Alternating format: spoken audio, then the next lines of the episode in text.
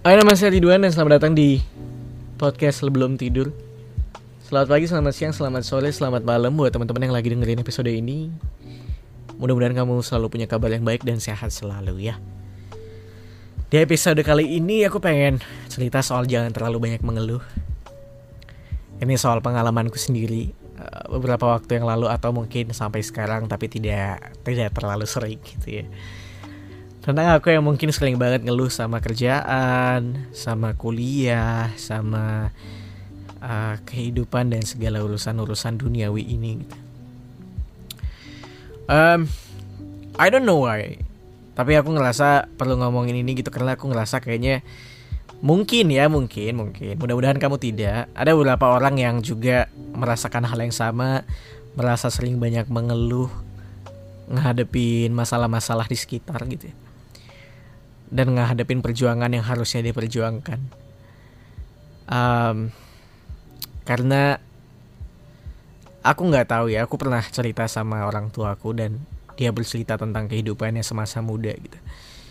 Um, bapakku cerita kalau uh, dulu dia waktu usia 20-an dia udah nyekolahin tiga adik-adiknya dengan seadanya ya tentunya, bukan sekolah yang luar biasa sekolah SMP SD dan dan lain-lain dengan seadanya yang mana dulu bapak tuh apa aja dikerjain dia bilang. Ngarit mangkasin rumput iya. Segala jadi kuli pabrik juga iya dia Hai teman-teman, nama saya Ridwan dan selamat datang di podcast sebelum tidur. Nah, belakangan podcast makin rame teman-teman dan aku dapat banyak pertanyaan dari teman-temanku juga yang jadinya pengen bikin podcast juga nih. Jadi, kalau kamu pengen bikin podcast, aku bakal kasih tahu kamu tentang Anchor nih teman-teman. Apa itu Anchor? Anchor adalah perusahaan yang dimiliki sama Spotify, yang mana ini ngemudahin setiap orang yang pengen ikutan podcasting juga. Dan Anchor ini Platform all-in-one dan gratis di mana kamu bisa ngerekam, nyimpen, distribusiin, ngecek performa podcast kamu bahkan sampai nemuin beberapa sponsor untuk podcast kamu. Nah, proses Anchor untuk nyebarin episode podcast kamu ke berbagai platform juga cepet banget dan yang paling penting semuanya 100% gratis ya.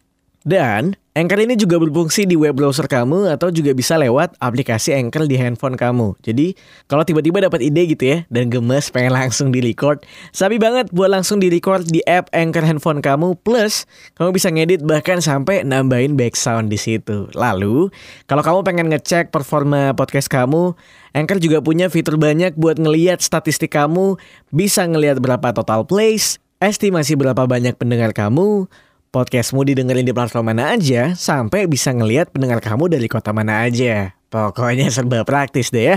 And by the way, podcast sebelum tidur juga pakai Anchor loh.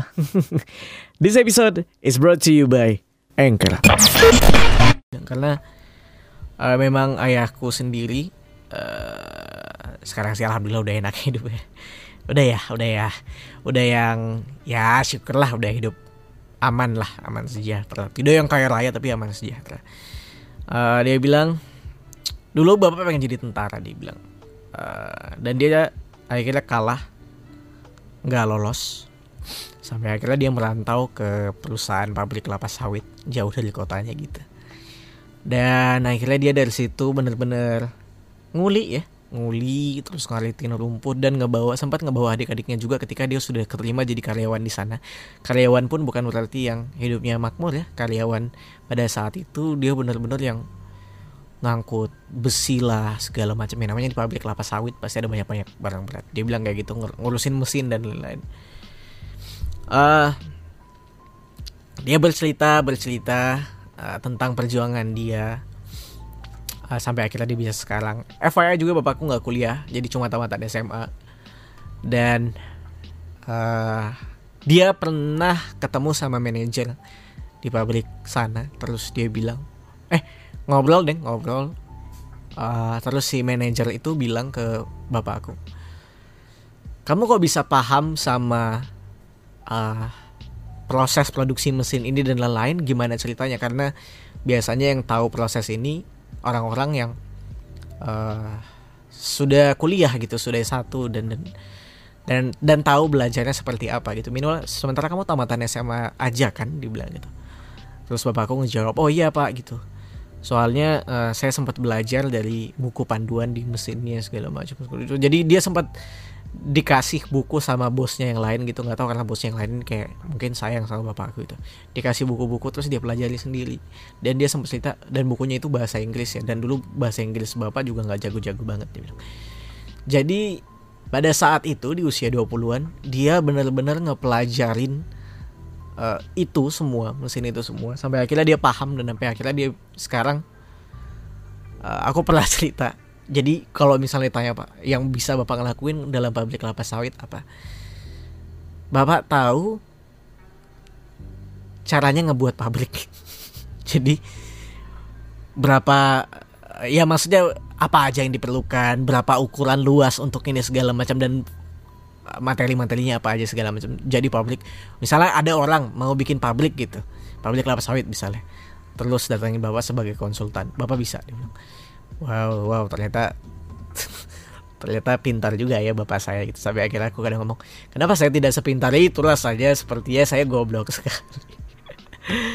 Di situ dia juga bilang akhirnya kalau ah uh, kenapa kok nggak bisa? Karena daya ju daya juangmu rendah dibilang sementara dulu bapak itu apa aja ya dikerjain gitu dan apa aja dipelajarin? Ada ngadepin masalah apa ya dipelajarin gitu pelan-pelan ya. Dan memang uh, susah dia bilang susah ya susah banget tapi ya mau nggak mau harus dihadepin dia bilang susahnya sampai bapak masih inget dulu waktu nikahin uh, ibumu. Posisinya bapak tuh nggak punya apa-apa. Bapak cuma punya celana jeans itu cuma satu bahkan. Yang kadang uh, dicuci pakai cuci pakai cuci pakai cuci seterusnya kayak gitu. Nah tapi bapak mau belajar gitu. Maksudnya uh, mau terus belajar mau terus kerja ya dihadapin aja. Hasilnya aku kadang sempat kepikiran terus masalah ini. Dan dan aku aku nggak tahu ya. Aku mungkin tidak daya juang yang besar itu tidak menurun kepada aku gitu ya mungkin. Dan aku sempat ngobrol sama Tan. Eh kita ini kenapa ya banyak keluhnya gitu? Kayak uh, kerja di kantor misalnya ada masalah apa kayak apa sih bla bla bla komplain segala macam gitu misalnya bikin kesalahan yang memang kita sebenarnya salah terus kita juga rasanya mengeluh membela diri sendiri padahal sebenarnya kita salah gitu terus misalnya ada kerjaan pagi gitu aduh kenapa pagi sih bla bla bla bla gitu kalau kamu mungkin tidak berasa berada di situasi ini, maka selamat buat kamu. Uh, kamu harus bangga sama diri kamu sendiri, berarti kamu hebat. Nah, jadi percakapan aku sama Atar belakangan ini kayak ngerasa Iya ya, kemarin tuh kok kayaknya kita pemalas banget ya. Banyak mengeluh. Terus kalau udah berada di kasur, di kosan, udah main internet rasanya pengen gak ke mana-mana, pengen di kosan doang gitu. Iya loh aku bilang. Kayak jiwa-jiwa magernya tuh ada, jiwa-jiwa pemalasnya tuh ada gitu. Sampai akhirnya Atar sekarang lagi ngurusin laundrynya teman-teman. Lagi baru aja ngebuka laundry gitu. Dan dibuat sendiri benar-benar diperjuangkan sendiri segala macam sampai akhirnya udah jadi dari nol sampai jadi akhirnya. Dan sekarang dia yang dulunya habit yang tidak bisa bangun pagi alhasil dia sekarang bangun jam 7 pagi setengah 8 pagi jam 8 pagi dia buka. Lalu dia beraktivitas sampai jam 4 sore eh, sampai sampai malam bahkan dia nungguin. Kadang-kadang ya pulang sebentar tiduran tidur siang sebentar terus nanti dijagain sama pegawainya. Lalu jam 9 malam dia siaran lagi sampai jam 12 malam. Dan seperti itu setiap hari Senin sampai Jumat. Dan obrolan aku sama Tar yang terjadi waktu itu. Tapi memang seharusnya usia kita yang 20-an, boy. Kayaknya seharusnya seperti ini gitu. Kita kita tuh masih tenang, punya tenaga yang sehat. Kita masih punya uh, semangat yang berapi-api juga gitu dan sepertinya memang sebaiknya seperti itu. iya, betul kata dia kayak kemarin tuh kita terlalu banyak main men. Yang kita pikirin tuh selain kerjaan kayak besok mau ke mana ya besok mau ngapain ya segala macam dan menurutku itu bad habit gitu. Meanwhile sebenarnya usia sekarang tuh adalah usia yang tepat untuk memupuk dan menginvestasikan segala yang kamu perjuangkan gitu. Alhasil ya aku bilang iya aku sekarang kalau misalnya ada waktu kosong bro aku bilang aku cari-cari nih lapak mana yang kira-kira bisa aku pasang untuk ngejual jasaku misalnya entah ngejual jasa voiceover atau ngejual uh, podcastku sendiri segala macam. Aku kadang sudah memulai untuk ngepropose uh, podcastku ke beberapa brand gitu. Dengan harap bisa ada yang masuk kan lumayan jadi cuan ya. Sama-sama untung antara brand dan podcast. Jadi kalau misalnya kamu punya brand yang menarik teman-teman mungkin bisa kalian beri iklan di podcast sebelum tidur gitu. Nah hasil itu ngebuat aku amatir jadi lebih banyak bergerak dibanding berada di kamar gitu. Karena menurutku itu yang itu yang seharusnya anak-anak 20-an lakukan jadi kalau misalnya kamu 19 tahun bahkan sampai sebenarnya kita hidup harus terus bergerak sih kamu mungkin punya banyak cita-cita, kamu punya banyak mimpi. Oh, pengen kayak Raditya Dika, pengen kayak Arif Muhammad punya duit yang banyak gitu. But trust me, mereka juga ngedapet itu, ngedapet itu nggak cuma rebahan di kasur doang gitu. Aku yakin mungkin mereka tidurnya dalam sehari sempat menuju proses ke sana mungkin sempat ada mengalami sehari tidur cuma tiga jam ngurusin ini ngurusin itu harus terbang ke sini ke situ dan kerja kelihatannya keliling Indonesia menyenangkan, tapi kamu nggak tahu seberapa banyak tenaga yang dia keluarkan untuk packing, seberapa banyak tenaga yang mereka keluarkan untuk menunggu di perjalanan dan lain-lain. So, so many things yang sebenarnya terlihat tidak terlihat, tapi sebenarnya terasa di perjuangannya gitu. Nah, di sini aku pengen ngajakin teman-teman semua buat kalau kamu merasa punya banyak cita-cita, punya banyak mimpi-mimpi gitu ya, tapi merasa kayak kok gini-gini aja ya, kok kayaknya nggak ada hasil yang memuaskan gitu. Kayaknya kita kurang berjuang lebih banyak teman-teman. Kayaknya kita harus effort lebih tinggi lagi. Kalau kamu merasa um, hidupmu ada yang kurang, coba kamu lihat uh, berapa banyak waktu yang kamu uh, isi dengan kegabutan berapa banyak yang kamu isi dengan pekerjaan? Lihat perbandingannya mana yang paling banyak. Kalau misalnya pekerjaan yang paling banyak berarti udah lumayan bagus tapi mungkin memang belum aja ya. Tapi kalau misalnya ternyata lebih lebih lebih banyak gabutnya coba kamu pikir-pikirin lagi.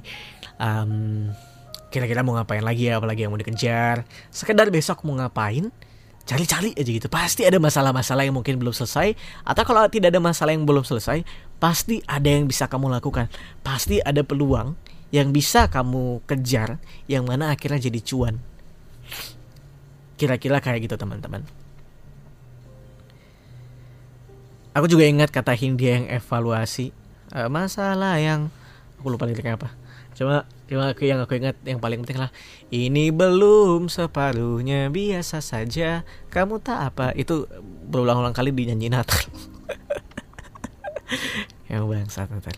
Berulang-ulang kali dinyanyiin dia gitu dan dia ngerasa kayak Iya boy, aku ngerasa capeknya kita sekarang walaupun kita all night long, all dan dan dan lain-lain, ini belum separuhnya men gitu. Bahkan hasil yang kita rasain juga kayaknya masih belum banyak-banyak banget gitu. Bayangin gak nanti kalau kita udah berkeluarga. Itu harus punya hasil yang lebih tinggi daripada ini. Dan untuk nyampe ke sana, kita perlu duit yang lebih banyak. Eh, kita perlu effort yang lebih banyak dari ini, men. Betul lo gue bilang. Makanya di sini kalau kamu ngerasa banyak mengeluh, satu hal yang paling penting juga di luar sana yang perlu kamu perhatiin, ada banyak yang lebih susah sebenarnya hidupnya. Aku tidak bermaksud untuk mendiskriminasi siapa pun, tapi mungkin kamu ada yang punya kendaraan, tapi mungkin ada juga tidak punya kendaraan sama sekali, sampai akhirnya dia naik trans kendaraan umum gitu. Ada dua pilihan ya naik kendaraan umum, ada yang karena tidak punya kendaraan, sama memang ingin memanfaatkan fasilitas umum dengan baik dan lebih efisien, dan juga ada yang tidak punya kendaraan yang tadi.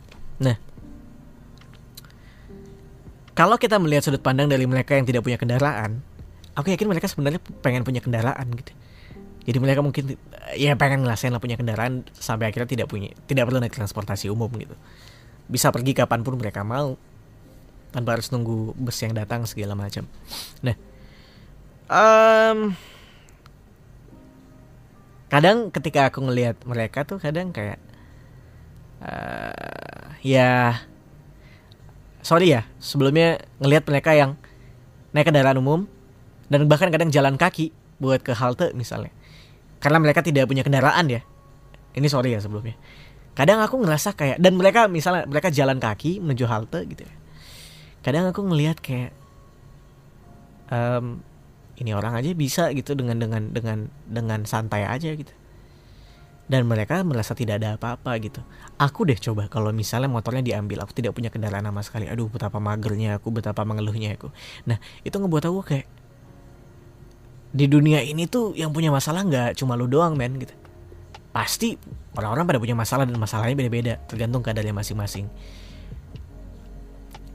Dan di situ kadang aku pelan-pelan bisa bersyukur tidak mengeluh.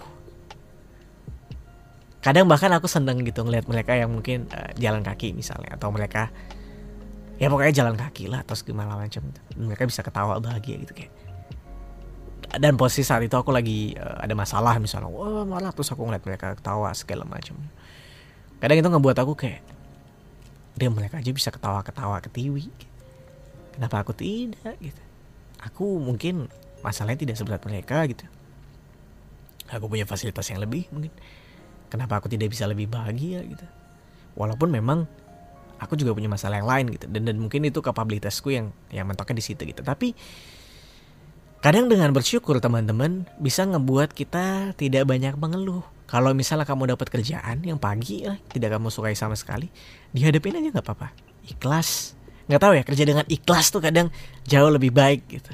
Tapi tapi ya dengan pertimbangan pertimbangan sih memang. Nah, kamu juga harus berpikir kira-kira ini sudah sesuai porsiku apa belum gitu. Kira-kira sih seperti itu. Jadi kurang-kurangilah mengeluh tetap semangat terus kalau misalnya kamu punya mimpi dan cita-cita yang kamu kejar ya. Kira-kira kira-kira kira-kira ah, kira-kira kayak gitu teman-teman yang pengen aku sampaikan di episode kali ini. Mudah-mudahan ini bermanfaat buat kamu anyway aku pengen bikin segmen namanya cerita teman tidur jadi kalau misalnya kamu pengen cerita sama aku yang mungkin cerita ini nggak pernah kamu sampaikan ke orang lain, feel free. Aku juga pengen banget mendengar. Mungkin kita bisa ceritain di podcast episode selanjutnya. Tidak harus aku sebutkan nama asli kamu. Kamu bisa langsung kirim ke emailku @ridwanhandoko@gmail.com ya. So kalau gitu selamat beraktivitas, selamat beristirahat, selamat tidur. Sampai ketemu di episode selanjutnya.